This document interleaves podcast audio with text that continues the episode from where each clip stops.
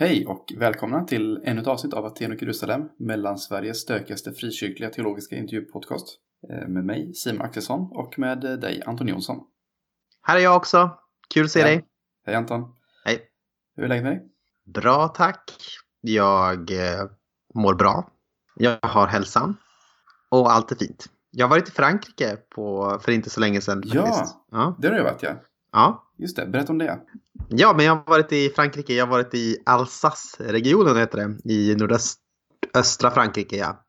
Och eh, där har jag varit och hälsat på mennoniter, alltså anabaptister. Det var väldigt trevligt. Så här, riktiga levande anabaptister. Nästan som att vara på safari eller något sånt där. Oh, wow. Mm. Hur kändes det att vara bland riktiga anabaptister? Ja, det kändes bra. De, eh, de var väldigt eh, gästfria och trevliga och sådär. Så vi var några stycken som reste dit och hälsade på. Eh, liten, vi gjorde en roadtrip så vi åkte hela vägen ner. Så det tog 22 timmar för det var så mycket bilköer. Men 19 timmar upp. Superkul. Men de hade lite så här. De tyckte, de bad om ursäkt ganska ofta för att de var dåliga anabaptister och eh, sa så. Du är säkert mycket bättre anabaptist. För att de var dåliga anab- anabaptister. Ja, det tyckte Precis. De har en Okej. sån his historieskrivning om att de bra anabaptister, alltså när det blev mer tvångsrekrytering till den franska armén, då emigrerade de bra anabaptisterna till, till eh, USA. Och eh, de som blev kvar var de här eh, slappisarna. Och, och så är deras, det är deras självbeskrivning liksom. Och att de har blivit bättre på att upptäcka sitt anabaptistiska arv i, i, och med efterkrigstiden och sådär eh, med hjälp av eh, amerikanska mennoniter och sådär. Så det är ja, det var kul. Aha, okej, jag förstår. Men jag tänker, finns det några andra?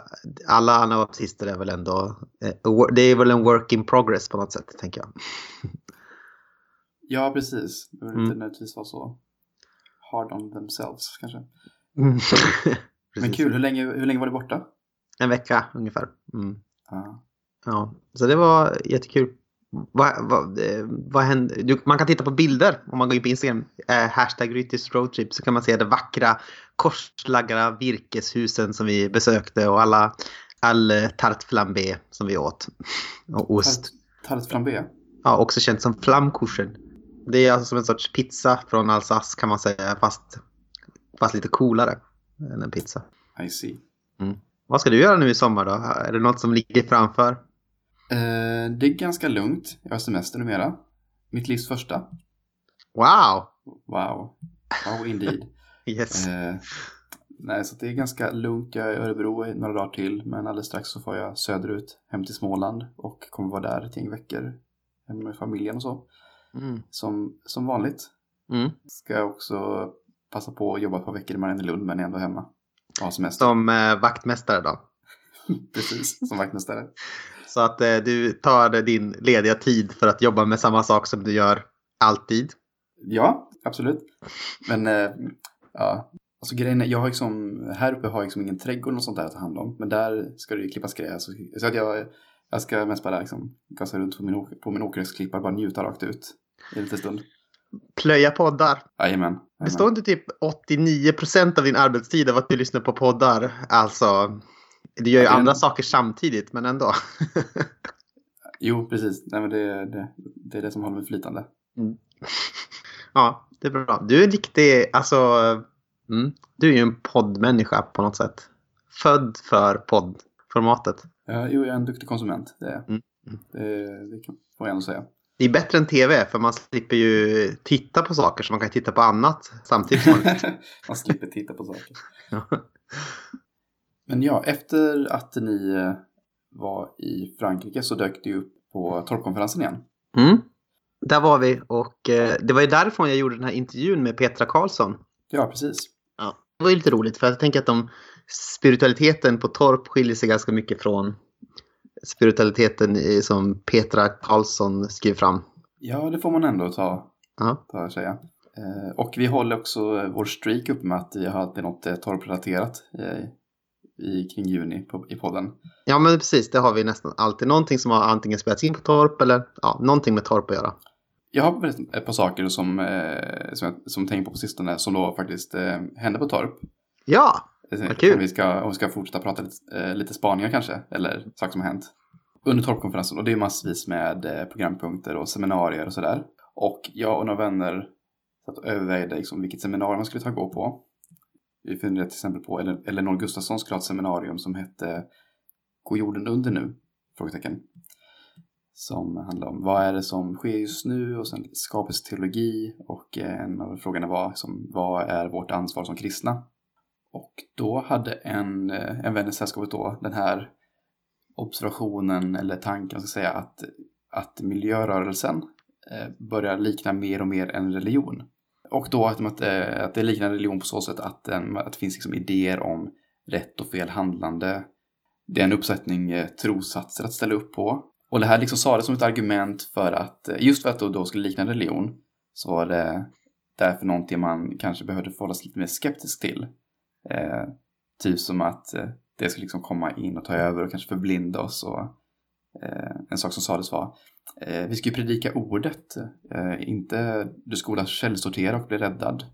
Är du med på liksom vad, ja, jag är med på vad, som pågår, här. vad, som, Ja. vad som pågår? Ja.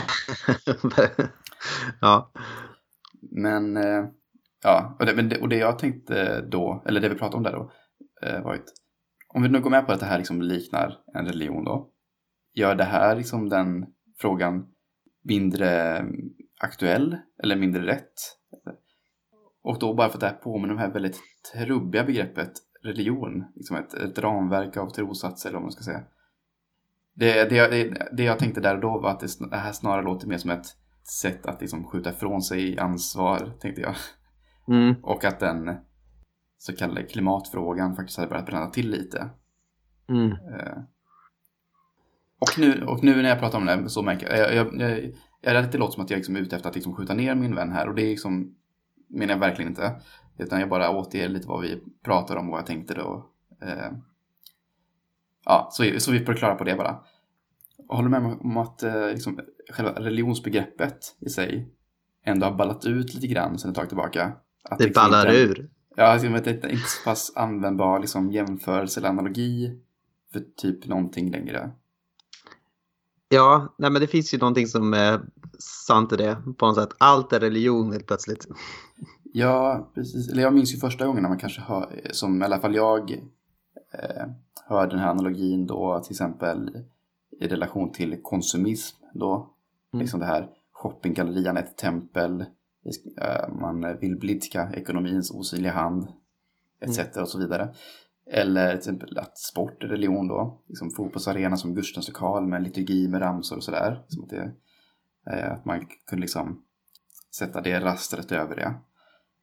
Jag vet, jag vet inte, jag bara, det, det bara känns för trubbigt och därmed inte så användbart längre.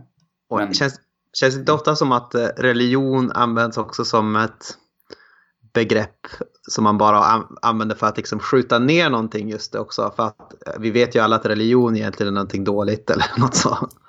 Ja, precis, så kan det också verkligen vara. Att man använder det som. Men vet Okej. du vad Simon? Nej. För mig är det här med klimat inte någonting som är religion. Utan det är mer att det är en relation. Att jag har en relation med klimatet. Absolut. det är det viktigaste ändå. Din Ja. inställning till den. Till eh, miljöfrågan. Det är intressant där. Kan man tänka att, att vi är ganska lutherska på det sättet att eh, det är många som har gjort den spaningen tidigare liksom att, att det är väldigt viktigt så här, att inte vara klimatförnekare och att typ så här, jag stöttar Greta men det är inte så viktigt att faktiskt göra, för, att det faktiskt göra saker utan det viktigaste är att man har rätt inställning till klimatet. Ja, och sätter sin, sin tilltro till tekniska lösningar som ligger alldeles långt fram. Det är en slags pie in the sky på något vis. Ja, ja. Ja. Men, eh, okej, men åter det, till detta med miljörörelse som en ny religion då. Det, det, och det jag eh, tog upp då, eller tänkte på då, det var ju detta att tänk då istället på din egen efterföljelse, liksom din frälsning.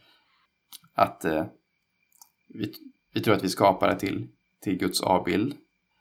Och att vi är skapade till att vara medskapare med Gud. Och att äh, människan liksom är en kulturvarelse, en skapande varelse. Och vi har liksom bjudits in av Gud att förvalta skapelsen tillsammans med honom.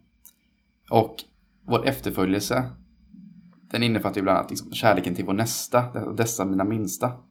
Och nu när vi som är dessutom är så pass globala som vi är, då, då tycker inte jag att det är svårt att se att vi som alla har med varandra att göra.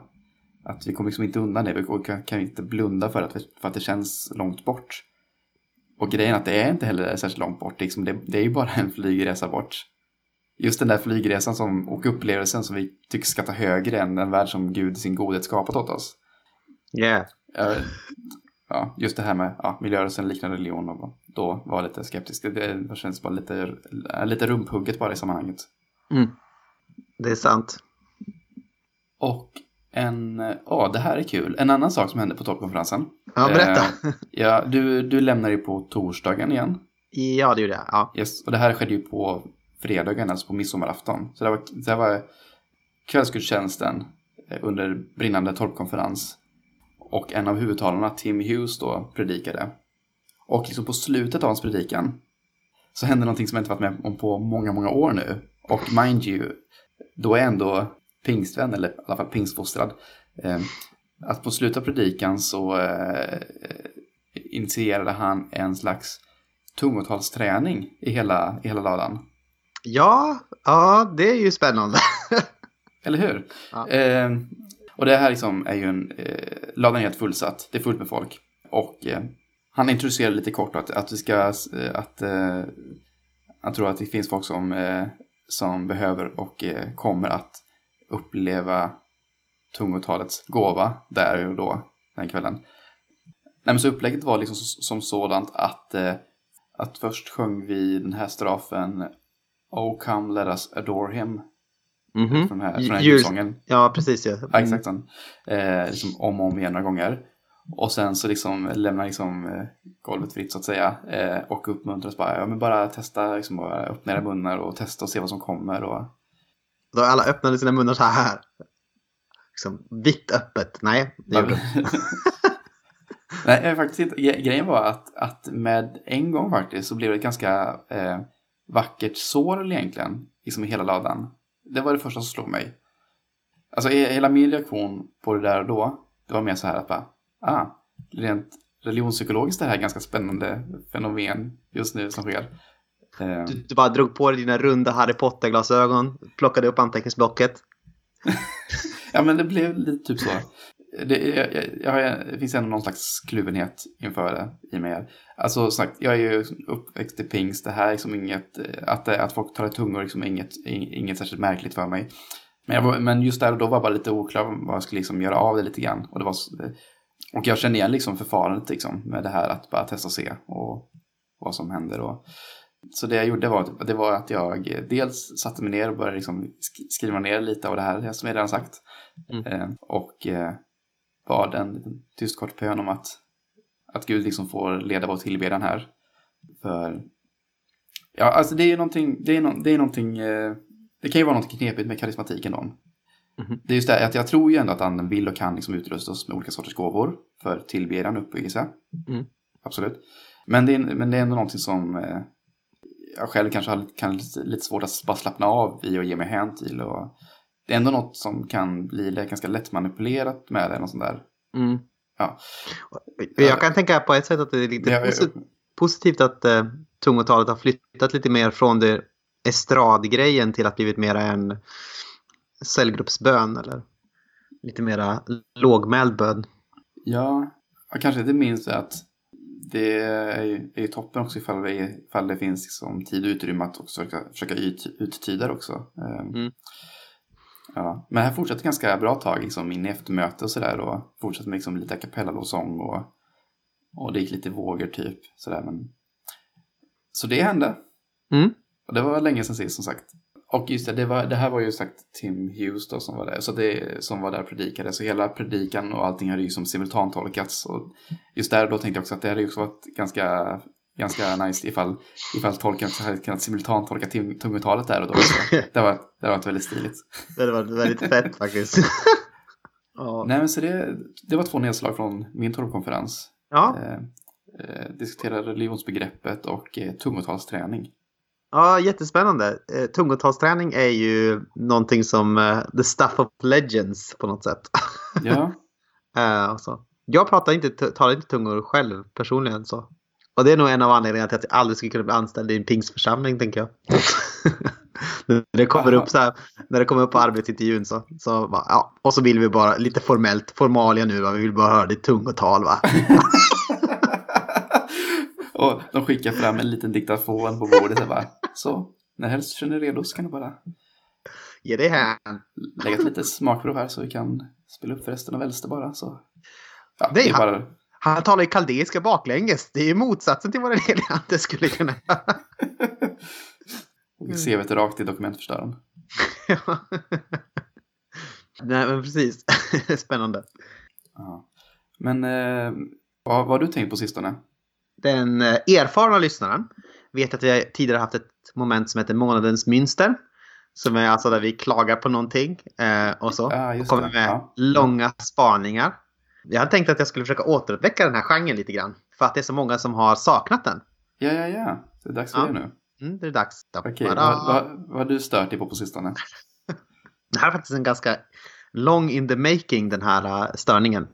Eh, den 30 april då kom det ut en debattartikel från en som heter Nils Karlsson. Jag tror att han brukar kallas filosofen Nils och så när han argumenterade mot eh, manlig omskärelse. Ja, Alltså- alltså filosof, filosofen Nils på eh, Twitter va? Ja, filosofen Nils på Twitter. Han argumenterade mot eh, eh, manlig omskärelse. Kvinnlig omskärelse kallas ju könsstympning. Manlig omskärelse innebär att man skär av lite farhuden på små gossar. Eh, det sker i framförallt judiska och eh, muslimska trosriktningar. Mm. Och vad är då det stora argumentet mot det? Jo, men att det är ett brott mot individens frihet, fri, individens autonomi. Individen har inte bett om och kan inte be när den är ett spädbarn om att eh, ja, få sin förhud avskuren utan det är någonting som mm, vuxna människor bara tvingar på det här barnet. Mm. Är ju då argumentet. Det finns en intressant parallell diskussion och det är eh, könskorrigering. Just nu har vi ju 18 års gräns tror jag på könskorrigering och jag tror att regeringen vill sänka det till 16, alltså att man kan göra en könskorrigering eh, när man är 16 utan föräldrarnas eh, inblandning. Men det finns vissa debattörer som har också velat sänka det till fem års ålder. Alltså att då tänker man, då vet man vilken könsidentitet man har. Och det om, om ni tänker på omskärelse är ett ganska litet ingrepp. Det ger inga bestående men. En könskorrigering av en femåring är ett ganska permanent eh, ingrepp. Och eh, också ett ganska mycket större, om man får uttrycka det så, våld mot ett kön. Men då är skillnaden då att eh, könskorrigering, tänker sig de här debattörerna, det sker utifrån individens eh, fria autonoma vilja. Så. Mm. Eh, och idén blir ju här att de som egentligen kan bestämma någonting över en kropp är en individ och staten. Eller hur? Absolut. Individen och staten, det är de som kan bestämma över en individ tillsammans. Yes. Men de som inte kan bestämma över en annan kropp, det är ju såklart sådana här farliga saker som till exempel familjer, eh, kanske en viss religiös övertygelse som man har i en familj eller i en samhälle man växer upp i, en grupp eller sådär. Det är farligt. De kan inte bestämma över ens kropp om vad som ska göras och vilket våld som ska utföras på en kropp. Utan staten och individen har våldsmonopolet här. Och jag tänker att det här har att göra med antropologi. Alltså läran om vad det innebär att vara människa. Jag tror så här. Att en människa formas just av, eller en människa blir till på något sätt i den här mellannivån. Alltså, det är inte liksom statens regler som först definierar oss. Och alltså idén om att vi är fullständigt eh, liksom självkonstituerade eh, individer som bara bestämmer oss och liksom är som ett vitt blad som vi själva fyller i. Det är också fiktion. Det finns ju ingen sån individ. Utan Nej. de vi blir till av det är ju den här mellannivån. Alltså familjer, kyrkor, eh, gillen, skrån, fackföreningar. Alltså det är där på något sätt vi formas till de vi blir. Men det tycker inte liberalismen utan de tycker att ja, vi borde liksom göra så att i så hög grad som möjligt är alla fria självkonstituerade individer, alltså som skapar sig själv på något sätt. Och det gör att alltid den här mellannivån, det är ett hot mot den här idén om individen. Men jag tänker, och det, det jag tänker är effektivt när man gör såna här, när man vill liksom skapa den, eh, den här fria individen, då måste man rikta in sig mot begränsa möjligheten för de här mellannivåerna. På ett sätt skulle man kunna säga så här, att för att skapa den fria individen så måste man göra alla andra livsformer omöjliga. Alltså man måste se till så att de här muslimerna och de här eh, judarna med sina små omskärelseknivar inte får för stort inflytande på barnet. Att de här hemska föräldrarna som inte vill ha ett könsbyte i femårsåldern, att de ska hindras från att ha för stort inflytande på individen så att den kan bestämma själv. Och på det sättet så avskaffar man på ett sätt eh, ganska mycket av minoriteter eller möjligheten att vara någonting annat än ett liberalt subjekt. Alltså att vara någonting annat än den här eh, idén om den fria människan. Det är på något sätt det som händer, att man avskaffar andra sorters människor genom lagstiftning. Tänker jag. Min kontroversiella ståndpunkt. Och då kan man tänka så här, ja men det här borde ju leda till större frihet. Att när vi får bort de här som håller på att forma våra liv, när vi liksom, när inte eh, kyrkor eller familjer eller så har stort inflytande över en människa, då kommer vi bli fria, då kommer vi bli de här individerna. Men jag skulle vilja hävda att det är en flipside. Att istället när vi avskaffar alla de här mellannivåerna, då ger vi egentligen staten nästan obegränsad möjlighet till att bestämma eller definiera eh, våra kroppar. När vi tar bort mellannivåerna så är det bara, då blir på något sätt människan ensam och definieras nästan helt av statens blick. Eh, av statens liksom idé om vad kan vi göra med den här biologiska massan? Hur kan vi forma den? Hur kan vi göra den till en till den sortens medborgare som vi vill ha? Eh, det man kanske kan kalla biopolitics. Och min poäng är här, eh, jag vill ha en case in point för det här kanske låter bara, det låter som något sorts avlägset skräckscenario. Men eh, om vi tar det till exempel i Storbritannien har det funnits, eh, eller har det just varit ett domslut som har sagt åt en kvinna att hon ska begå abort. Okej. Okay. Det är alltså en kvinna med, med nigeriansk bakgrund som bor i Storbritannien Mm. som har ungefär den eh, ja, men mentala kapaciteten är ganska låg, ungefär som hos en 69-åring. Och eh, hon har då blivit gravid, men hon är katolik så hon vill inte begå eh, en abort då. Mm. Hennes mamma har sagt att ja, men jag kan ta hand om barnet, jag vill inte heller att eh, jag vill inte heller att det ska bli en abort. Och så är det några andra som också har stöttat. Så här.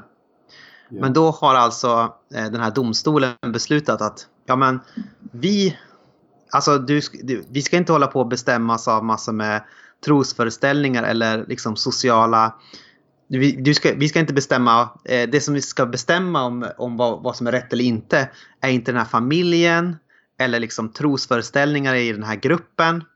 Utan det som bestämmer det är att vi ska avgöra vad som är i den här enskilda personens bästa intresse vad är det i bästa intresset eh, för den här kroppen som vi har framför oss? Och då har staten beslutat mot hennes egen vilja då och mot eh, familjens vilja och mot kanske man kan säga deras kyrkas vilja att det som är intresse för den här individen är en abort. Oh, wow. Ja, jag vet. Det är ganska wild och crazy. Men, men det... Verkligen. Och det, det här är liksom, det här kommer verkställas nu det kommer antagligen verkställas men det är, liksom, det är väl inte helt eh, klart än utan det finns väl lite möjlighet till eh, överklaganden tror jag. Mm. Men, men eh, det jag vill visa här det är att ja, men det vi händer när vi tar bort mellannivåerna eller när vi ser dem som hot. Det är mm. kanske inte är att vi får mer frihet utan snarare att vi får att staten får större frihet att bestämma över enskilda kroppar. I liksom intresset eller i den här enskilda individens namn kan man säga.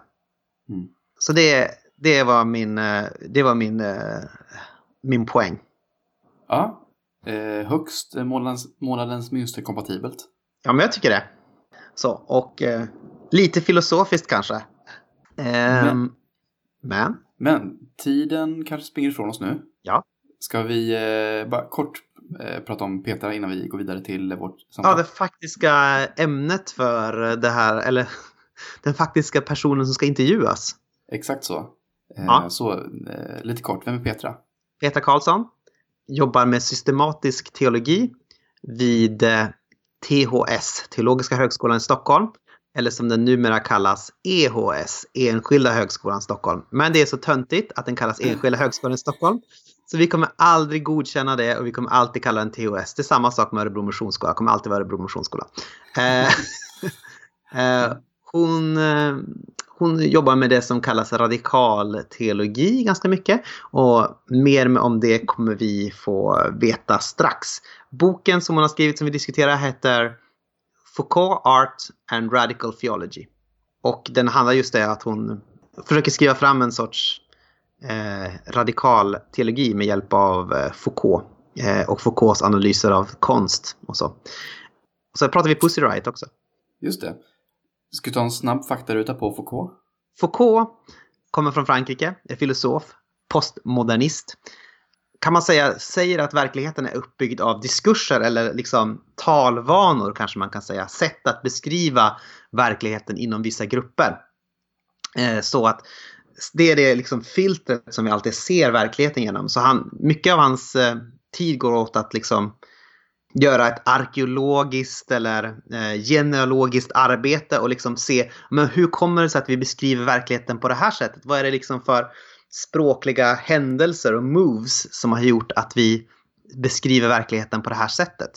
Eh, så kan man säga. Och på ett sätt försöker liksom eh, man komma, komma åt när det finns så här förtryckande beskrivningar eh, av verkligheten eller saker som eh, gör att vissa hamnar utanför beskrivningen av vad det kanske innebär att vara en sann eh, man eller vad det innebär att vara frisk eh, och sådär. Så att det är liksom, det kan man säga är Foucault.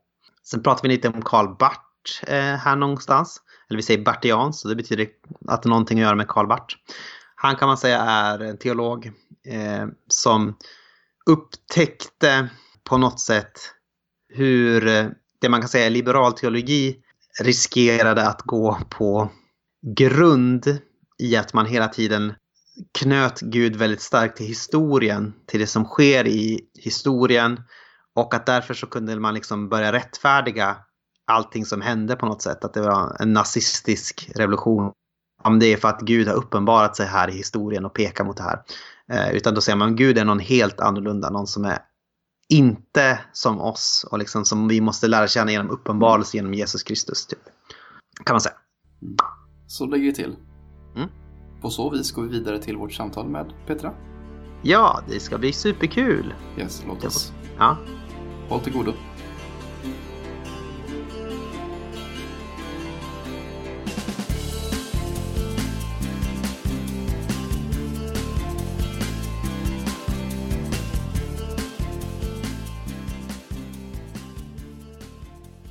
Hej Petra! Hej Anton! Vad roligt att du är med här i Aten och Jerusalem. Ja, kul att jag får vara med. Det är kanske inte alla lyssnare som har stenkoll på vem du är. Så om du skulle introducera dig för dem, vad skulle du eh, säga då? Jag skulle säga att jag är eh, lärare i teologi på Teologiska högskolan i Stockholm. Mm. Utbildar präster och pastorer för till nästan alla samfund i Sverige. Men jag är också forskare i eh, teologi och jag är själv eh, också präst, prästvigd i Svenska kyrkan. Och du är från Östersund har jag mina, eller? Det stämmer, Ja. det är jag. Mm. Känner du dig som jämte fortfarande? Ja, jag gör faktiskt det. det. Det är nog så för de som är uppvuxna i Östersund så har man liksom lärt sig viss lokal patriotism att älska den där platsen. Så, och det, så det finns kvar, absolut. Och inte gilla Sundsvall, eller hur? Visst är det en viktig del av Nej, jämtlandsarvet? just det. Japp, klyktattare kallar vi dem som Jaha. kommer från Sundsvall. Ja, Vad nej, betyder det är de andra. Vad det betyder, det jag, nej men det är något dåligt. Det är riktigt Okej. dåligt. Ja, det. Vi behöver inte gå in på detaljer då. nej. Du håller på med ett fält eh, som kallas eh, radikal teologi. Eh, Och där är också min gissning att de flesta av våra lyssnare kanske inte har koll på vad det är för någonting. Så om du skulle liksom säga the basics, vad är radikal teologi? Ja, Radikalteologin var en, en slags teologisk skola kan man kalla det som eh, nog tog sin början i USA på 60-talet tror jag. När det var folk som menade att liksom, sekulariseringen var Guds mening. Vi ska inte längre tro på någon gud bortom den här världen utan Gud är död och det var liksom kristendomens poäng. Och det fanns olika sådana där radikala sätt att tolka samtiden på utifrån ett liksom, kristet men ganska på ett sätt eh, ortodox eller ovanligt sätt. Eh, och sen har det där spridit sig och finns massa olika uttryck men det som är radikalteologins på något sätt, om det finns en kärna så är det att man är ganska lekfull i förhållande till det teologiska arvet och man är villig att tänka nytt och experimentera och försöka tänka utanför lådan lite grann och sådär. Och det där har jag tyckt har varit inspirerande och spännande på olika sätt.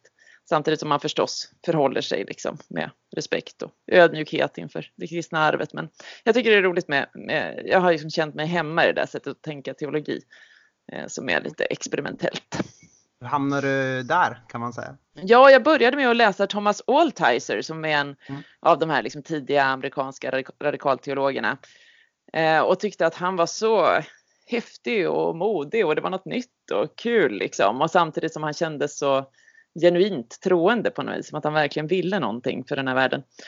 Och så började jag läsa honom och sen skrev om honom bland annat i min avhandling och sådär. Sen ja, rullade det på. Så träffade jag honom också och några andra radikalteologer. Och, ja, så det är liksom en slags gemenskap och tankegemenskap. Sådär. Men det är väl ofta så att man på något sätt hjälps in på ett spår av en gemenskap kan man ju tänka. Ja, men det är ju så. Och att man känner sig hemma lite grann någonstans. För jag har nog alltid varit sån. Jag växte upp i en eh, missions och baptistkyrka i Östersund. Mm. Eh, och var väl, kände nog att jag fick plats där men var den här som alltid ville ställa kritiska frågor och att vi skulle tänka eh, liksom, annorlunda och sådär. Och då i det sammanhanget som att jag kanske ja, liksom sökte fler som ville brottas med teologin på samma sätt. Eh, mm. och så till slut då, när man hittar några andra liksom buddies, då, ja, men då plötsligt så kan man känna att ja, men det här kan jag, det här kanske jag till och med kan kalla mig samma sak som de kallar sig. Jag kanske kan kalla min teologi radikal teologi. Även om det är väldigt alla, och det är också ett sånt där fält där alla håller på på lite olika sätt så att det känns inte så bindande. Liksom. Nej, just det. Det är inte så att man blir helt eh, låst i någon sorts Nej, given definition. Ja. Nej.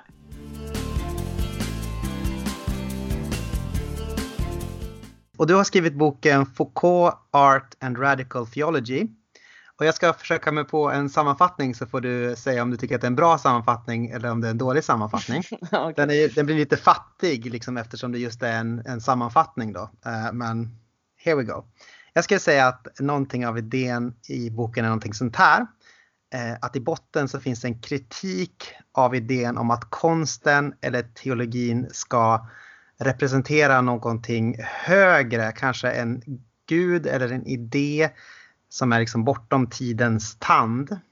Och istället kan konsten och teologin bör rikta in sig mot det materiella. Det som händer när penseln förs till duken.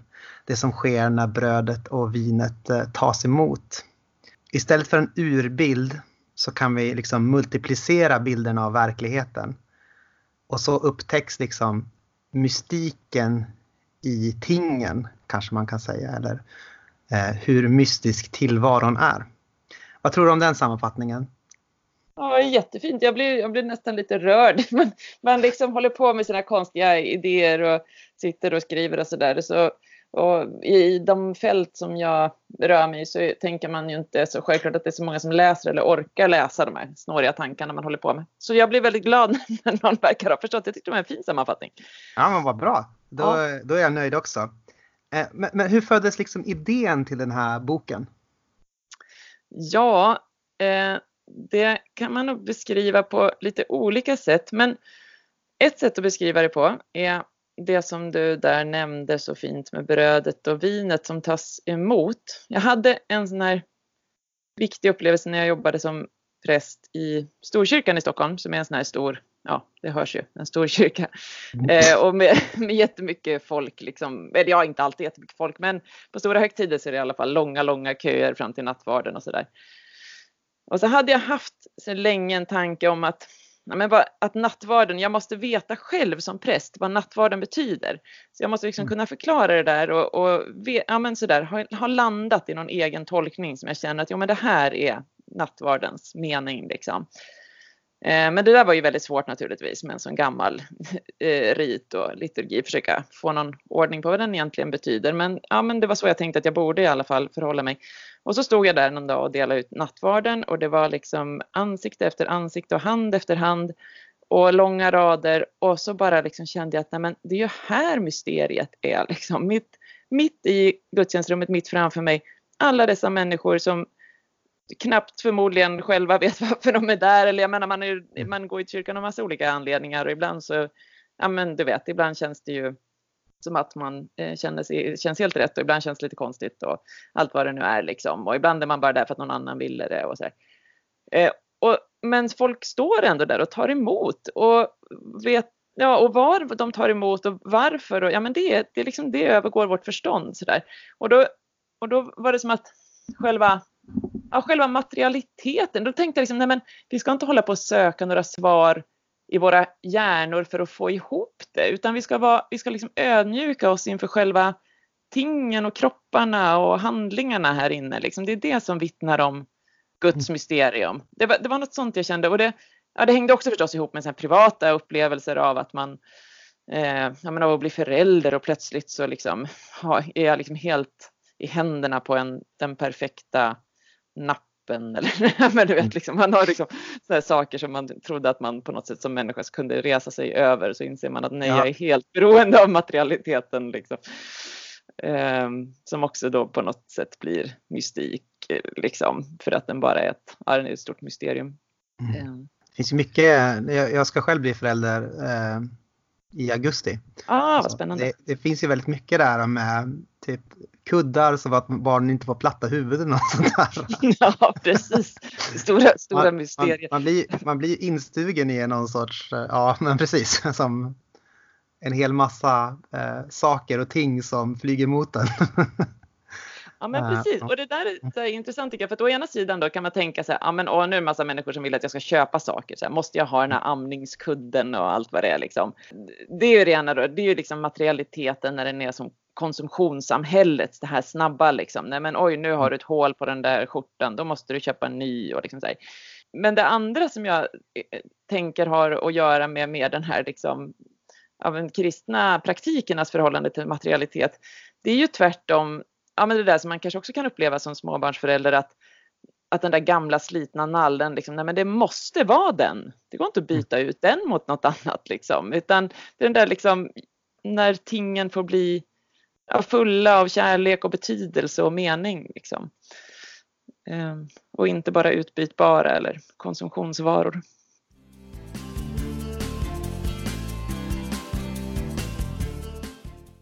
Så om vi ska då prata om den här tingens mystik. Vad har den då att göra med Gud? Var är Gud om inte över historien, liksom över allt det här förgängliga? Var finns då Gud?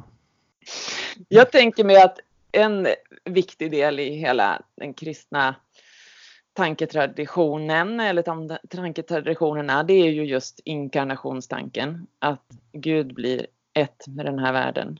Fullt ut människa och fullt ut Gud. Och den där tanken är ju så radikal så att det liknar ingenting tänker jag. Att, ja men om då, om Gud verkligen blir ett med livet så som det levs här de här tingen som finns och som åldras och kropparna som åldras och förändras och ja men då är ju liksom, då handlar ju Guds mysteriet och Guds relationen om att få upp ögonen för det som är just den materiella verklighet som vi lever i.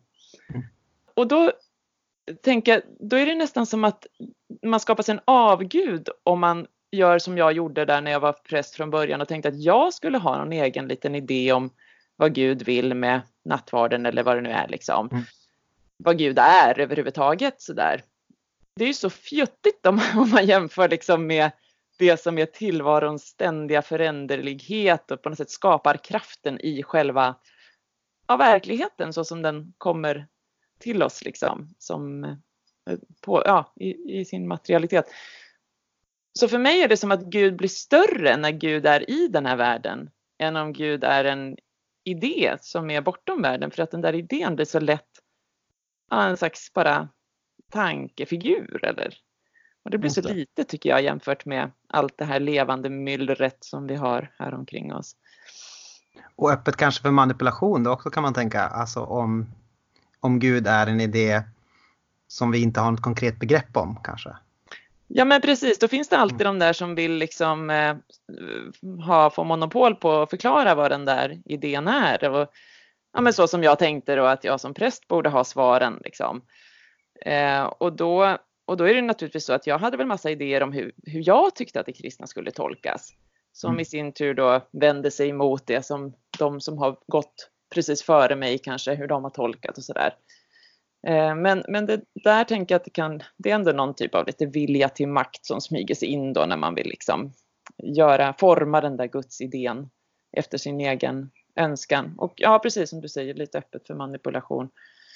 Eh, vilket jag tänker att om, om man tänker Gud som en slags föränderlighetens kraft i världen, ja, men då har vi verkligen, då, då kan vi bara ödmjuka oss inför både liksom naturen och eh, tingen och andra människor. Ja. Mm. Eh, men, men, om man då ska komma med en kritisk fråga till då.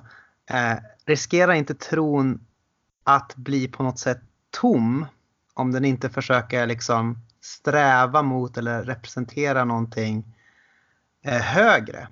Alltså riskerar det inte bara bli, vad ska man säga, tomma, tomma ritualer eller något sånt? Mm. Mm. Ja, just det. Jag, ja, för jag, jag, skriver ju i boken eh, fram en typ av ytans teologi, mm. liksom.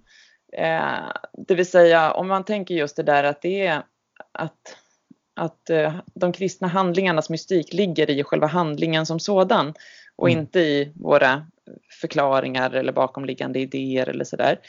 Och då kan man ju precis som du säger, så, ja, men det låter ju ytligt och kanske ganska tomt då. Eh, för vad är det då liksom? Jaha, ska jag inte mm. sträva efter något mer? Men jag tänker nog att det, är, det finns helt klart en strävan som kanske då snarare handlar om fördjupning än om höjd. liksom om man ska, alltså mm. apropå det här som du sa med att, att om inte Gud finns i höjden, liksom, och vad ska man sträva efter då? Men, men en liksom fördjupning i tillvaron om, om, om det här som uppenbaras framför oss ständigt, liksom, som, ja, men som ditt och mitt samtal nu som är lite mm jag menar allt det här när man försöker förstå varandra och söker ord och allt sånt här. Det är ju någonting som skapas och, och framträder här. Om det här är något typ av liksom gudsmysterium, om jag kan förhålla mig till det eh, mm. i, med en slags kristen ödmjukhet med tanke om att här har Gud inkarnerats i den här världen och levt ett sånt här liv. Ja, då, det tänker jag att det är en strävan som, som jag tänker kan göra världen gott, liksom, om det är en kristen strävan. Och, och då tycker jag inte att det blir tomt, utan det blir en annan riktning bara, tänker jag. Just det. Ja, ett annat sätt att söka... Mm, precis. Ett, kanske man kan säga myller snarare än, än bortom bortlighet. det hittar jag på det ordet. ja, precis. Mm. Bortlighet är ett fint ord. Ja, men, ja, just, ja, men precis. Och, och att då eh, Ja, att i det här liksom myllret av röster och uttryck eh, liksom ana det gudomliga. Mm. Eh, ja, precis.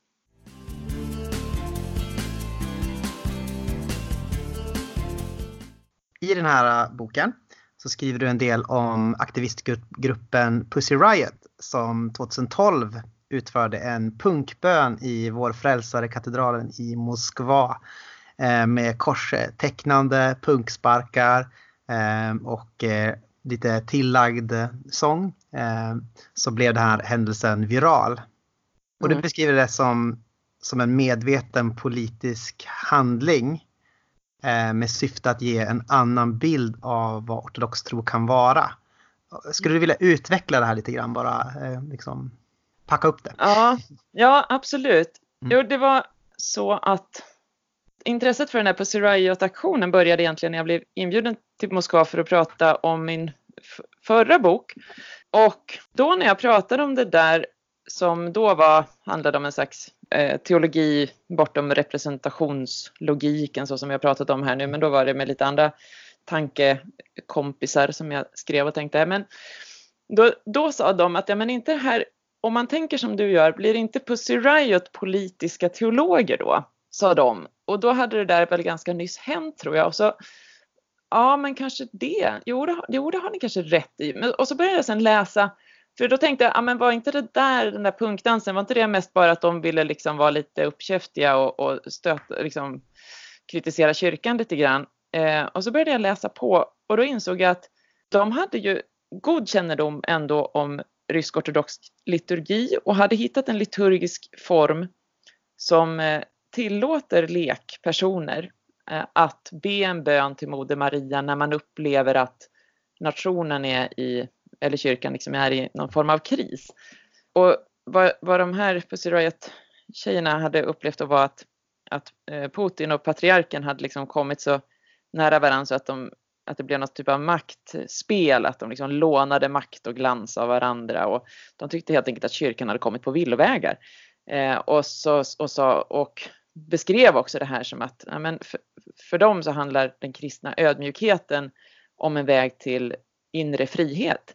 Eh, mm. men i, i den här Putin-patriarkregimen som de upplevde att de hade hamnat i så, så handlade plötsligt kristen ödmjukhet bara om, om att lyda makten. Och, jag menar, de hade väldigt tydliga eh, teologiska poänger och motiveringar bakom sin dans och dessutom så var det ju så att de är som unga tjejer ställer sig på en plats där kvinnor aldrig får vara för att kvinnor inte kan bli eh, präster i ortodoxa kyrkan och så var just deras tanke då att ja, men på jättemånga bilder så kunde man under den här tiden se Putin och patriarken som stod och skakade hand och ofta med den där katedralen som bakgrund. Och det var liksom, ja men då fick Putin lite glans av kyrkan och kyrkan fick lite glans av Putin. Ja men då tänkte de så här, ja men i vår tid så funkar ju medialogiken så att om vi kan plussa på med fler bilder, andra mm. bilder av vad kristen då tro kan vara och vad den här kyrkan kan stå för, så ja, men då kan vi faktiskt bidra med det. Då kommer bilden förändras. Och så gjorde de ju den där korta, korta aktionen och filmade och bara la ut det på Youtube och plötsligt så var den där katedralen under en tid förknippad med unga tjejer som ber en bön som är en punkbön som, eh, ja, som många då inte ens fattade var en bön men som jag verkligen tror var en bön för dem. Mm. Ja men eh, de upplevs ändå, eh, jag har läst en, en eh, Riot Days heter den som är som en sorts fängelsememoar av eh, Maria Alokina. Eller säger man? Alokina. Mm. Eh, och den, eh, den upplevs ändå som att hon reflekterar ganska ärligt om tro. Ja, det tror jag. Och hon är nog också den liksom, teologiska hjärnan och beskriver sig själv som troende mm. eh, också. Eh, nej, nej, men det tror jag verkligen. Sen, vad som hände sen var ju också att eftersom att de fick så otroligt stor uppmärksamhet så blev det ju, och eftersom att det här var då en, en slags, liksom lite, kunde ju tolkas som en vänsterpolitisk kritisk aktion, så mm. blev det också så att eh, de journalister som plockade upp den här berättelsen, det var ju mest de eh, vänsterjournalister som då eh, ofta inte är troende själva utan snarare mm. gillar när man kritiserar tro. Så att det gjorde, tror jag, att, och fler med mig, andra forskare menar att då förlorades liksom deras teologiska budskap. Då blev det mm. istället bara någon slags kritik mot kristendomen. Liksom. Mm. Eh, vilket inte var, var deras poäng från början och absolut inte hennes tror jag. Och kanske inte hjälpte deras case, alltså det kanske inte skulle ha varit kört ändå men det kanske inte hjälpte deras case så mycket heller att eh, det är det rastret liksom som läggs på händelsen. Exakt, för det var ju det som var poängen då från, eh, från rätten, domstolens sida, att man ville ju liksom få stämpla det här som huliganism, religiös, liksom en antireligiös eh, aktion sådär. Och det var ju mm. det, som, precis som du säger, så fick man ju lite stöd där då av internationella pressen. Liksom. Mm. Personligen så tänker jag också rätt mycket på den ortodoxa traditionen av helig dårskap när jag tänker på Eh, Eh, på Pussy Riot. Mm. För där finns det ju ganska många exempel på personer som går in i kyrkor och kastar potatisar och liksom gör parodier av biskopar och sådär. Men där det på något sätt inte ses som ett uttryck för avfall eller religiös huliganism utan snarare som, som en sorts, vad kan man säga, väckelse, väckelsebudskap från från dårskapsmarginalen liksom. Uh, Ja men precis, ja. nej verkligen och det knöt de också an till eh, uttryckligen eh, i sina såna här slutpläderingar. Eh, att just att ja, men vi står i en tradition av, av helig dårskap i Ryssland, en rysk-ortodox tradition. Eh, och dessutom så finns det också en, en konsttradition i, i Ryssland som, eh, som också har hela tiden varit, ja, men som har hämtat inspiration från den ryska ikonkonsten och sådär. Det har handlat om att just göra påtagliga eh, handlingar på olika sätt och också leka med det som är rationalitet. Liksom, det som verkar förnuftigt för alla, det liksom vrider man och vänder på och sådär. Eh, och, så att de ju, hade ju sådana inspirationskällor som, också, som har funnits, precis som du säger, i den rysk-ortodoxa traditionen, men också förstås lite sådär på gränsen utanför. Som, som kritiker. Och där, eh, du, du tar ju till exempel upp i boken, eh, vad heter det, suprematism. Eh, mm. Kanske man kan beskriva som en sån eh, tradition på något sätt. Kan ja men precis. Ja. Jo, de, och det eh, har jag, jag har just eh, skickat iväg första versionen av manus till nästa bok och då blir det ännu mer rysk konst och avantgardism. Och där mm. skriver jag mer om, om de här suprematisterna. Men, eh, och där var ju, nej men de gjorde ju en, en eh, för dem var ju, för dem var ju konsten en, en andlig resa och de, eh, Malevich då, eh, den främste företrädaren, grundaren av den där rörelsen, han gjorde ju en väldigt kaxig grej får man säga när han eh, målade en svart kvadrat på en vit botten och så hängde han upp den på sin eh, en sån här känd utställning eh, i övre hörnet i rummet så där som, så som mm. rysk-ortodoxa ikoner brukar hänga i hemmen. Eh, och, ja, och den hade också samma form så där och det var på något sätt för att visa liksom att den här svarta rutan är liksom denna världens former eh, är sanningen, den högsta sanningen. Vi behöver liksom inte, inte söka eh, bortom liksom, denna världen. Samtidigt så hade han den här idén om att liksom, de perfekta formerna är det som kan ge oss vår upplysning och så. Mm. Men det var ju också en sån där eh, som å ena av många har tolkats som att ja, men det här är ändå en bearbetning av den rysk-ortodoxa ikontraditionen och det tänkande, kristna tänkandet. Och andra liksom tyckte att nej, men oj, oj, oj, det här är ju verkligen blasfemiskt. Eller, ja, mm. sådär. Mm. Ja, väldigt intressant.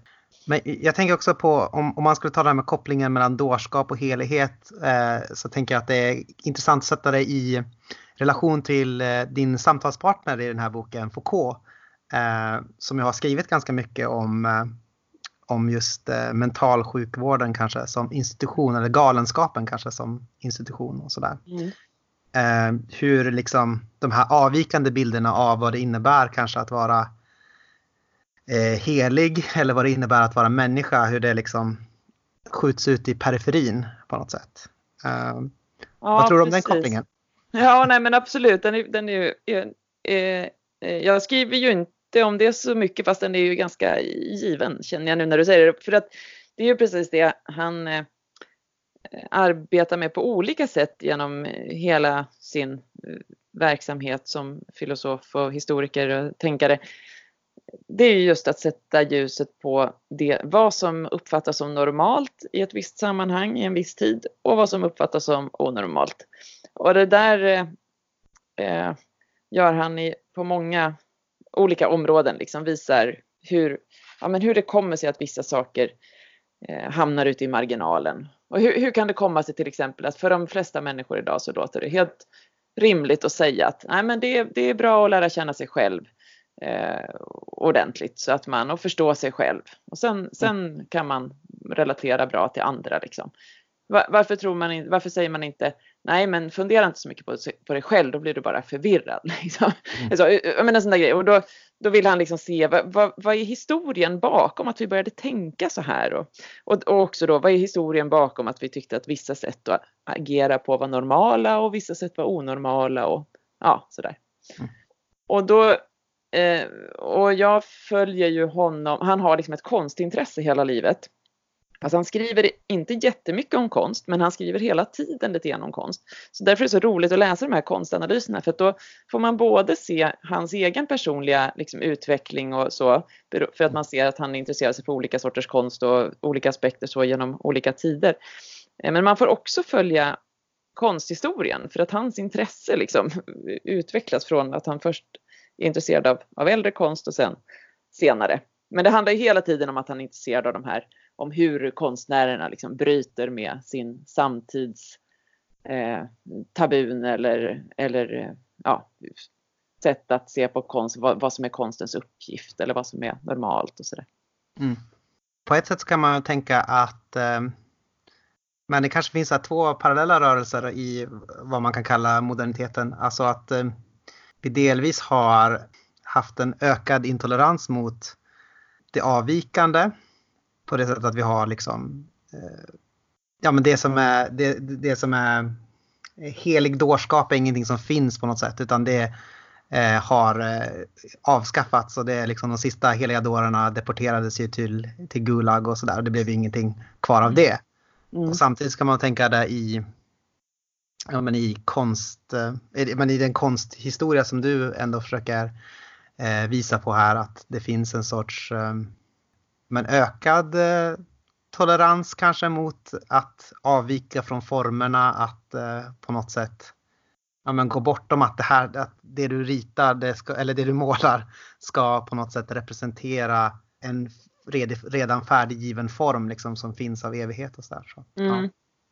Nej men absolut och det där är ju, nej precis och det är ju frågan eh, hur det är med det där med liksom toleransen för att, nej för samtidigt är frågan då om vi, på vilket sätt ger vi mer utrymme idag för dårskap och galenskap liksom och i vilka, vilken plats kan man få i vårt samhälle eh, om man då tänker att man tidigare ändå faktiskt hade någon typ av upplysande uppgift eller, mm. eller sådär. Men, det, men, eh, nej, men det är en, en eh, sån här rolig konstnär att möta som jag tyckte, som jag liksom mötte genom Foucault som var, var viktig för honom hela tiden. Det var ju Edouard Manet, Manet som eh, då var en konstnär som bröt tydligt med sina lärares instruktioner och traditionerna som rådde då. För då då var tanken att nej, men som konstnär så ska du sträva just eh, efter att nå liksom de, de, högre sanningarna och man skulle måla, när man skulle måla modeller,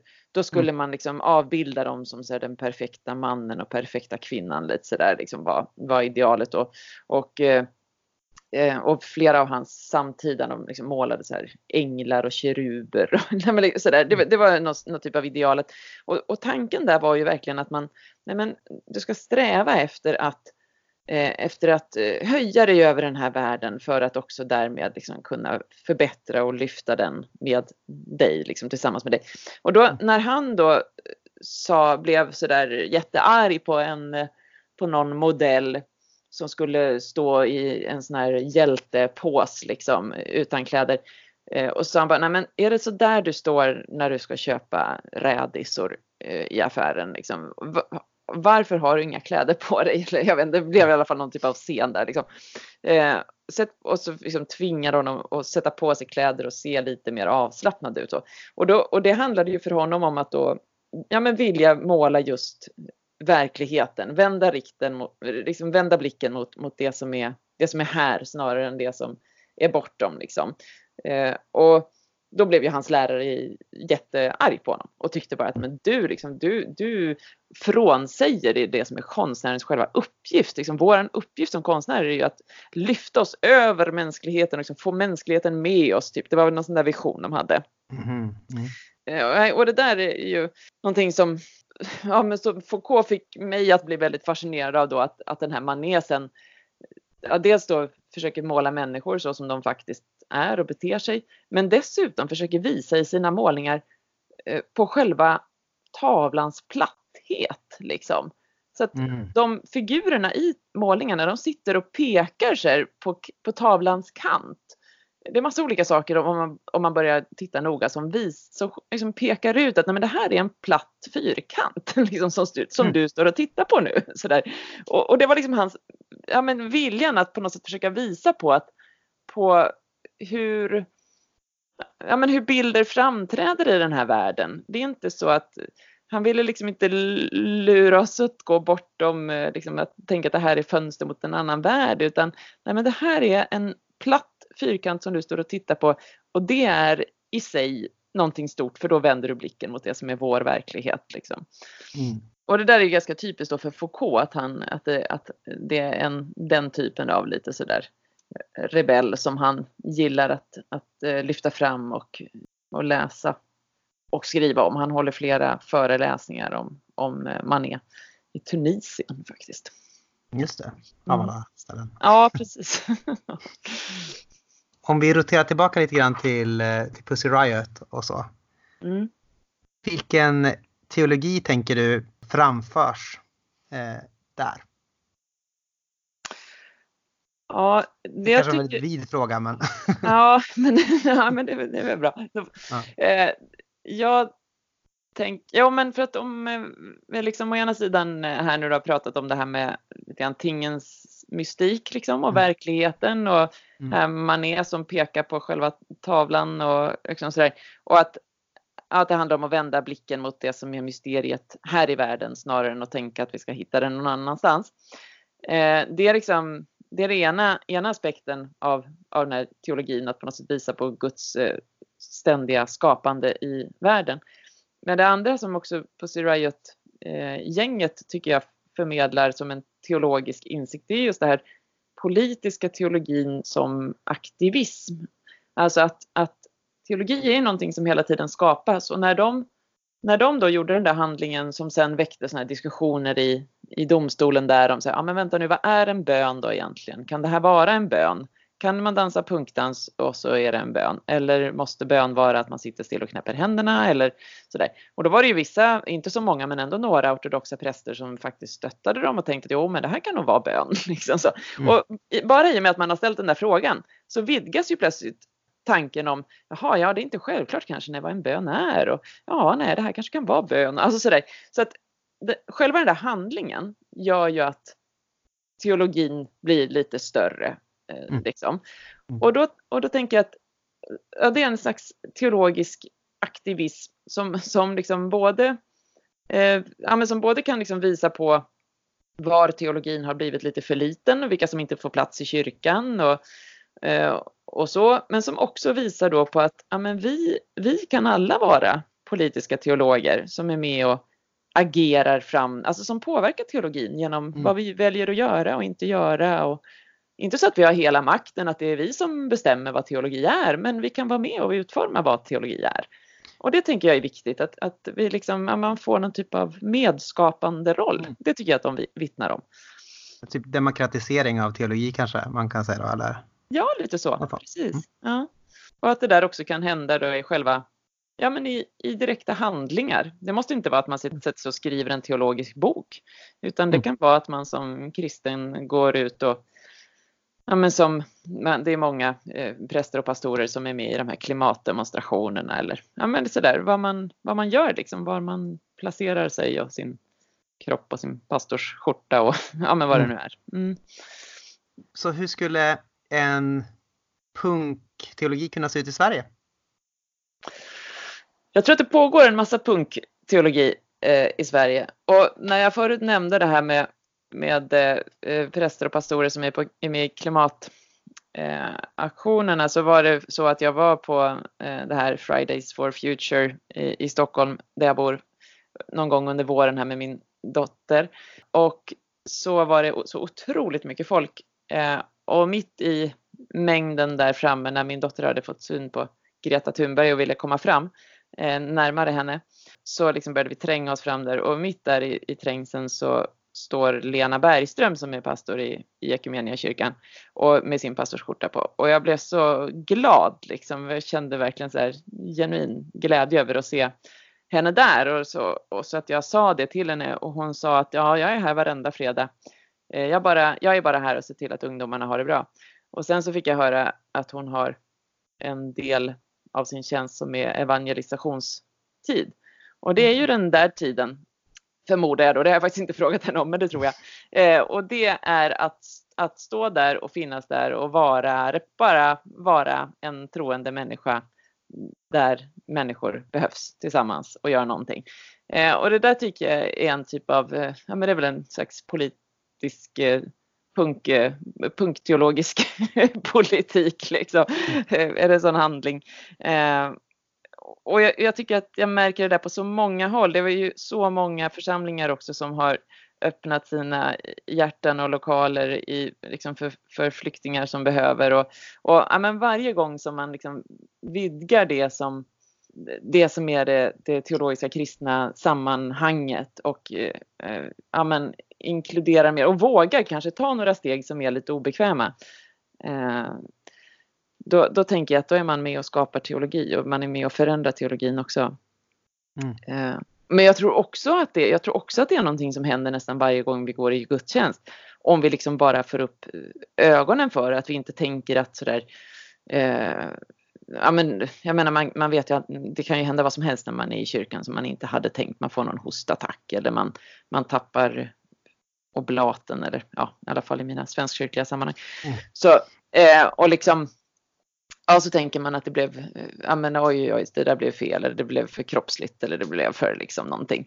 Eh, och så om man bara liksom ändrar blicken och så är det det där som får vara liksom mysteriet och inkarnationen. Där blir liksom just det här själva inkarnationsmysteriet blir så tydligt om man tänker att det som ska vara heligt och perfekt plötsligt blir liksom smuts på mattan liksom för att man tappar mm. vin. Ja, men då, då, det är då det på något sätt eh, händer liksom. Eh, och då får vi upp ögonen för, för, eh, ja, för Guds mysterium och, och, och kan bli ödmjuka eh, inför tillvaron. Och det tänker jag liksom samma sak där när det kommer in ett gäng tjejer och dansar mm. punkdans. Då, ja, men då blir det oj då, det här var inte alls så som vi trodde att det skulle vara. Liksom. Mm. Ja, men det ligger ja, men det finns ju mycket där som är intressant tycker jag. Det du säger att eh, på något sätt är det ju det vittnar ju kanske mer om inkarnationen att eh, vinet spills ut och trampas ner. Liksom. För det är väl det som är, liksom, är på ett sätt berättelsen om Jesus då. Men sen så kanske inte finns någon tydlig uppståndelse i att... i att det är men, ja, men det vittnar, vittnar ju ändå på något sätt om att det här... Äh, att, äh, just att det, det heliga blir sårbart på något sätt när det kommer in i världen. Äh, tänker jag. Eller, ja, Gud precis. när han kommer in i världen. Ja. Äh, mm. Ja, och det är ju det där som är så... Ja, och det är ju så nej men det är ju det som är så otroligt starkt med den där berättelsen om, om den här hjälte som inte, ja men som på ett sätt blir en, en eh, antihjälte och som sen då får liksom den här uppståndelsens kraft som, är, som man ju också i sin tur kan tolka på så väldigt många olika sätt men som hur, hur det än är och var det än var liksom så, så gav det hur många människor som helst hopp som liksom räcker än idag. Verkligen intressant. Um, Okej, okay, nu kommer jag på en fråga som jag kom på alldeles nu. Eh, och den är så här. Jag tänker lite grann på, på Karl Bart när vi diskuterar eh, lite grann. Mm. Och, du är ju ingen Bartian, eh, det, det, gör du ingen hemlighet av tänker jag i boken eller något sånt där. Eh, men jag tänker det, det Karl Bart eh, reagerar mot det är väl kanske också just det här att när vi ska tolka liksom historien på något sätt mm. som ett Guds handlande. Mm då öppnar det upp väldigt lätt för att man då säger liksom så här bara, oj historien pekar i, i nazirevolutionsriktning. Alltså är det här som Gud vill liksom på något sätt. Tycker du att det finns en sån risk för uh, det här teologiska projektet på något sätt? Att den blir kanske följer med strömmen eller vad man ska säga. Oavsett vad, om den bär i en, vi kan uppleva som en positiv riktning eller om vi kan uppleva som en negativ riktning. Mm, just det. Mm. Nej, det är ju precis det som du säger är styrkan med, med den bartianska teologin tycker jag också. Det är ju den där eh, liksom stark, starka drivkraften att faktiskt hitta någonting som är någonting annat än den här världen och att det liksom, nej men kyrkan mm. kan aldrig någonsin gå i den här världens makters liksom ledband. Mm. Eh, och, och där, när, när han skapar den här tanken om, om eh, ja, men liksom den klyfta eller liksom det gapet som finns däremellan. Det, det är på något sätt det är att liksom vaccinera tron mot, eh, ja, mot just liksom inomvärldslig manipulation. Och, så där. och det tycker jag är jättehäftigt. Jag sympatiserar verkligen med det där. Eh, och jag, men jag är som, precis som du säger, jag är ingen, ingen liksom Bartian. Eh, förutom att, att jag på något sätt ändå upplever att, att det, liksom, det är en liknande strävan eh, i det som är den på ett sätt då radikala motsatsen, det vill säga en, en inomvärldslig liksom, mystik. Eh, och, och det som händer när man då förlägger eh, den gudomliga makten liksom utanför människans kontroll och också då delvis utanför liksom den mänskliga tankens kontroll så, och i det som är, är eh, tingen och skapelsen och då också liksom eh, naturen, organismerna. Eh, det är ju att att eh, det är fortfarande inte så att den här att vi, kan, vi skulle kunna peka på att nej men det var Guds eh, mening att, att eh, historien gick åt, åt eh, det här hållet eller att, att vi ja, att, att nuvarande regim sitter eller vad det nu kan vara. För, att, för, att, för där har man ju återigen den där hela tiden, den här liksom vilja till makt som kan finnas i att faktiskt just inte närma sig tillvaron med ödmjukhet och respekt och lyhördhet utan att istället välja att tolka och bestämma att nej men så här ska det vara eller så här borde det vara. Så jag, jag tycker nog att den här liksom radikalt inomvärldsliga guden är, är liksom precis lika eh, onåbar för liksom mänsklig manipulation som, som mm. Barts liksom, bortomvarande gud. Så där, där tänker jag ändå att de här tankevärldarna möts. Eh, fast, att, fast det då på ett, på ett annat sätt och ibland tänker jag att det bara det är bara någon slags eh, eh, Ja det, ja, det beror på säkert eh, fostran eller vana eller vad det nu är, men antingen så känner man att, att det ena talar mer till en som kristen eller så upplever man att det andra talar mer till en som, som kristen. Men det är goda krafter, vilket som tänker jag.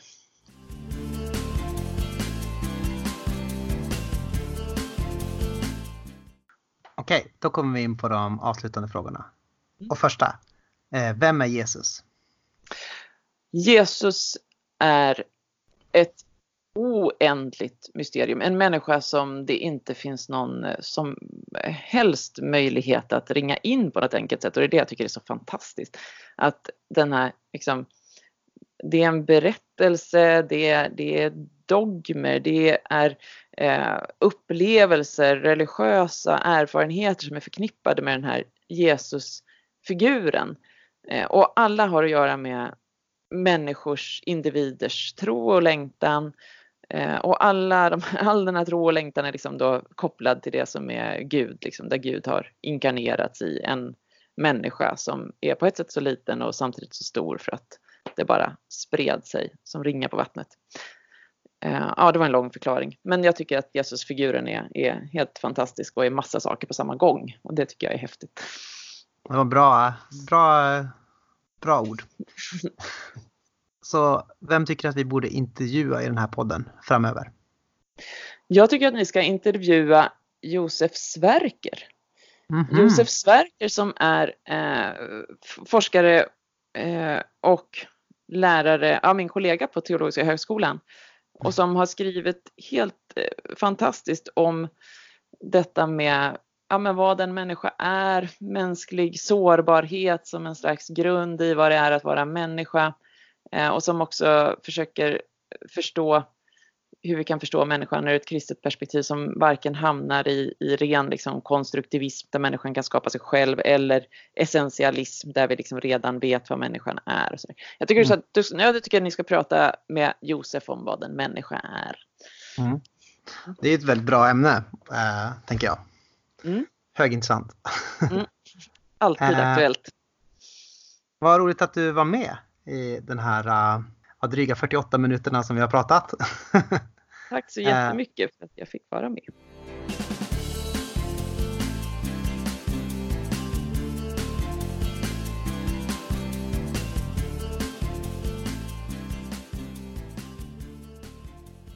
Så, och då var det dags för vårt sedvanliga eftersnack. Precis. Och jag är lite tidspressad här så det kanske blir kortare än eh, vad det vanligtvis är. Vi kör på. Ja. Um, off the bat, Anton, vad, ta, vad tänker du ta med dig här? Vad stack ut här? Alltså, jag tror att det här avsnittet på ett sätt sticker ut ganska mycket från eh, många av våra avsnitt. Alltså att det, finns, det är nog en eh, teologisk tradition och tankegods som är främmande skulle jag nog gissa för majoriteten av våra lyssnare. Det, tror, eh, det, tror, jag verkligen. Bara jag tror till och med man kan säga den absoluta majoriteten av våra lyssnare. ja, men det tror jag absolut. Bara som en sån sak som att detta med radikal teologi, mm. att det går från, kan man säga att liksom utgångspunkten är Gud är död? Man kan säga det. Men då kanske Ja. man kan också kvalificera det lite grann med att säga att det är en viss sorts gud som är död. Ja, Alltså, alltså den dö- gud som man kanske är skeptisk till tänker jag är den här äh, som är den store guden liksom bakom eller bortom historien som ser till att allting leds rätt.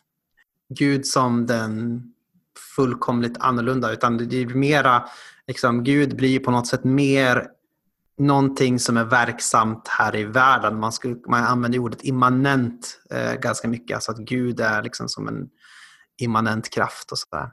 mm. Sen finns det vissa också teologer i den här traditionen som kanske skulle också kalla sig postkristna, alltså som inte är delar av det kristna tankegodset. Men, ja, men på det, sättet, det är ju den Gud som man på något sätt gör upp i den här, eh, Mm. som man inte tror på riktigt i den här tanketraditionen kan man säga. Nej. Ska, ska, vi ta en Man kort, kan- ska vi ta en kort faktaruta på immanent? Immanent betyder typ inomvärldsligt, alltså saker som händer i den här världen. Om man då säger mot transcendent som betyder någonting bortomvärldsligt, någon som inte hör till den här världen. Så man, liksom, Gud är inte den här transcendenta utan mer någonting som händer, finns och är någonting inom den här världen eh, kan man säga. Mm. Man kan säga att det är ett stort, radikalteologi kanske man kan säga ett stort eh, eh, långfinger till Platon. Pla- Mm. Platon som tänker att det finns liksom en idévärld där saker är perfekta koncept, perfekta former Mm. för hur världen, är, hur världen borde vara. Så finns det här nere på jorden så finns det bara ofullkomliga liksom, efterapningar av det här stora, eh, av den här, de här koncepten, de här idéerna. Eh, Och det är väl på något sätt det man går emot på något sätt. Att ja, men, vi ska vara intresserade av den här världen, inte av några koncept och några idéer någon annanstans, utan den här världen, vad händer här? Liksom. Mm. Så kan man väl säga. Så det är ett stort långfinger till Platon liksom, och allt, allt Platon gjorde. Himla filosofkung. Tänka kingen. Ja. Så på det sättet är det ju en spännande. Jag är väl så här, jag kan väl eh, säga det att jag tillhör väl inte liksom den här traditionen så, utan jag nämner ju då till exempel Karl Barth då, som jag tycker är ett intressant exempel då, på något sätt. Att jag, men mycket blir det ju så här, eh, det, det Karl Barth kritiserar det är ju att, att många tänker sig, ja men Gud är någonting som vi kan utläsa ur historien, ur naturen, ur det som sker här och nu. Och då började folk tänka så här, ja men historien pekar emot eh, nazirevolution. Historien liksom pekar emot att det här är liksom det som har fötts fram på något sätt. Att, eh, att fyren kommer. Liksom. Och det är ju det, och det, det gör ju att han säger ett så här stort eh, nej till mycket av det här att man ska försöka hitta Gud i historia. Eh, att liksom läsa ut historiens böjningsmönster på något sätt. Mm. Utan mera, ja men Gud är någonting som är annorlunda. Eh, så. Jag tänker ofta att det kan bli en risk med sån här radikal teori att den blir inte så radikal utan att den i slutändan kanske blir typ en hus en husideologi för eh, eller att den blir som en sorts kaplan kan man säga till rörelser som finns här. Till exempel bara, nu ska vi göra en teologi om Ferguson. Och så bara, åh vad händer här? Och så blir man typ bara, hakar man på lite så här som en Johnny come lately och bara, eh, här, jag, vi kommer med, med lite så här gudprat till den här eh, festen. Och att man hela tiden kommer liksom lite så här att man ska liksom man är intresserad av de här eh, sakerna som händer här inomvärldsligt och så blir man liksom som en sån här som kommer lite sent. Och det, å andra sidan är ju det andra problemet då ofta när eh, teologi som är alldeles för intresserad av det transcendenta, liksom, Gud bortom världen, pie in the sky när du, when you die. Liksom, och, sådär. Mm. och det blir också så att man i slutändan blir ointresserad av allting som händer liksom, i världen. Att man blir på något sätt apolitisk, inte tycker att det är något problem med slavar och sådär, slaveri och sånt. Eh, så det Som blir den liksom, gamla- Som den gamla sången So heavenly minded you are no earthly good. ja. Vad är det för sång? Eh, Jag vet inte som har originalet men jag har en, eh, det finns en gammal, gammal inspelning med Johnny Cash som har sjungit in den. Mm. So heavenly minded you're no earthly good. Väldigt bra. Ja, den är kanon. Jag kan leta fram den. Det, det var en, en skivsamling med så här, ja, men, så här bortglömda inspelningar från hans eh, hus typ, som han släppte i en, i en box för ett gäng år sedan. Jag har den stående så här i hyllan. Där någonstans måste vi röra oss. Liksom. Vi kan inte vara, eller i min mening så kan vi inte bara vara så här super immanenta eller supertranscendenta, att vi måste liksom röra oss där mitt i, i, i inkarnationen som jag tänker både är något som är i båda riktningarna. Ja, men jag tycker att det är en väldigt, intress jag tycker att det är en väldigt intressant eh, tankeskola ändå och liksom att tänka tillsammans med, att liksom brottas lite grann med. Och ofta så tycker jag att de kommer med också med en del värdefulla utmaningar till kyrkan som den är. Liksom, eller så. Mm. Ja, på what's, what's, what's your... Ja, precis. Apropå någon som utmanar. Tänkte på, ni pratar ganska mycket om Pussy Riot till exempel. Mm -hmm. Någon som utmanar det vanliga. Men eh, ja. Väldigt intressant men, eh, företeelse tycker jag. Ja, verkligen. Right. Och sen eh, väldigt typiskt att, för att använda Petras ord, vänsterjournalister, mm. att mm. de än en gång missförstår religion. För, för inte heller jag liksom hade uppfattat den, liksom, man säger, den teologiska signifikansen i aktionen. Att, eh, mm. eh, att det var, det var sån intention i hur och var och när liksom, det här skulle ske liksom, och i själva liturgin. Att det var mm. just där och då i den platsen, i den tiden som det var. Ja, nej, det är ett, inte nytt men ett annat ljus på det. Eh. Men precis, och det blir ju att man ska det blir ju att man kastar i någon sorts sån här uh, Galileo Galilei-bild, liksom, att det här är vetenskap mot religion eller, något, eller kanske den fria individen gentemot mot religion, men snarare är det någonting annat som händer. Liksom. Mm. Ja, men vi vill liksom omforma vad det innebär att vara ortodox troende. Det är ju roligare. Mm. Jag tänkte på det här ni pratade om i slutet om, eller fråga henne detta med punkteologi och ifall det sker någon punkteologi idag i Sverige. Och mm. eh, hade hon som exempel att se en, en ekumeniapastor i eh, folkvimlet på en, en klimataktion och eh, att hon är där med sin närvaro då, att det sägs som punktteologi typ, och sen lite andra exempel på men det verkar vara, eh, handla om att allt som liksom var lite annorlunda eller bröt mot normen eller förvänt, förväntande att det kan vara punktteologi. Men det, det tänker jag är så här, ja men är inte det typ typ all teologi. Jag tycker, eller jag tycker det, hela, liksom, hela Jesu liv och vittne är, är just den grejen. Jesus was the original punk. Nej, men så här var det att ja. Mm. Eh, tänkte, ja, absolut, absolut. Men jag tänkte mm. kanske bara, vet inte, vet inte det var bara en helt användbar term typ för, för det. Ja, det var ett term som jag hittade på. Den var inte skriven i boken nej, som nej, jag har läst. Nej, nej, absolut. Men eh, som för övrigt heter Foucault, Art and Radical Theology, om ni vill mm. hitta den. Mm. Nej, men precis. Men jag, jag kan se, jag, det, är, det, är, värt att diskutera. Jag tänker att det finns både en... Liksom, det finns ju en risk att man blir, som jag sa tidigare, att man blir en kaplan till en annan rörelse redan. Att man, nu kommer jag med lite kristen fernissa på någonting som redan händer. Liksom. Mm. Att här kan jag utläsa lite Gud. Och ibland kan jag tänka att ja, men, det vi borde göra borde vara helt så här, kristologiskt annorlunda på ett sätt. Eller liksom så här, vara verkligen den helt annorlunda eh, rösten fast fortfarande i solidaritet med det som händer liksom med klimatrörelsen och sådär. Mm. Samtidigt så är det bättre att vara det. Att det kan vara bättre att vara kaplan åt någonting. Eh, som är, kaplan är en sorts hjälppräst kan man säga. Eh, istället för att inte vara engagerad alls. Mm. Istället för att bara liksom vara någon annanstans hela Absolut. tiden. Absolut. Ja. Och, så här. och på det sättet hjälper ju radikal teologi på något sätt, tänker jag, att vara närvarande där det händer på ett sätt, tänker jag. En viktig grej. Och liksom att försöka läsa ut teologi i det som händer. Eh, mm. Mm. Och liksom ytan av saker istället för att söka någon mening bortom. bortom liksom. Ja, jag vet inte, men jag tror, hoppas att eh, det här var en rättvisande diskussion ändå. Av, eh, ja, precis. Och om inte annat så sa hon själv att hon hon är van vid att vara annorlunda. Så att det, mm. jag tror inte... Det, jag, jag, tror inte vi har, jag, tror, jag tror inte vi har trampat på någon, på någons tår här. Tår här. Nej, det tror inte jag heller. Och eh, försökt göra rättvisa. Mm. Men kul, ska vi säga så? Ja! Eh, ni vet vad ni kan göra. Ni kan eh, följa oss på Twitter och Facebook och eh, gilla, dela, kommentera, ranka, recensera, eh, mejla och om du har lust och ekonomisk möjlighet, överväg att stödja oss ekonomiskt via Patreon. Eh, det finns en slant. Skänk en slant. Det finns en länk till detta i avsnittsbeskrivningen. Eh, och hjälp oss att hålla oss över ytan. Med det så går vi in i sommaren. Ja. Eh, sommar, sommar, sommar. Jajamän. Fridens. Allt gott.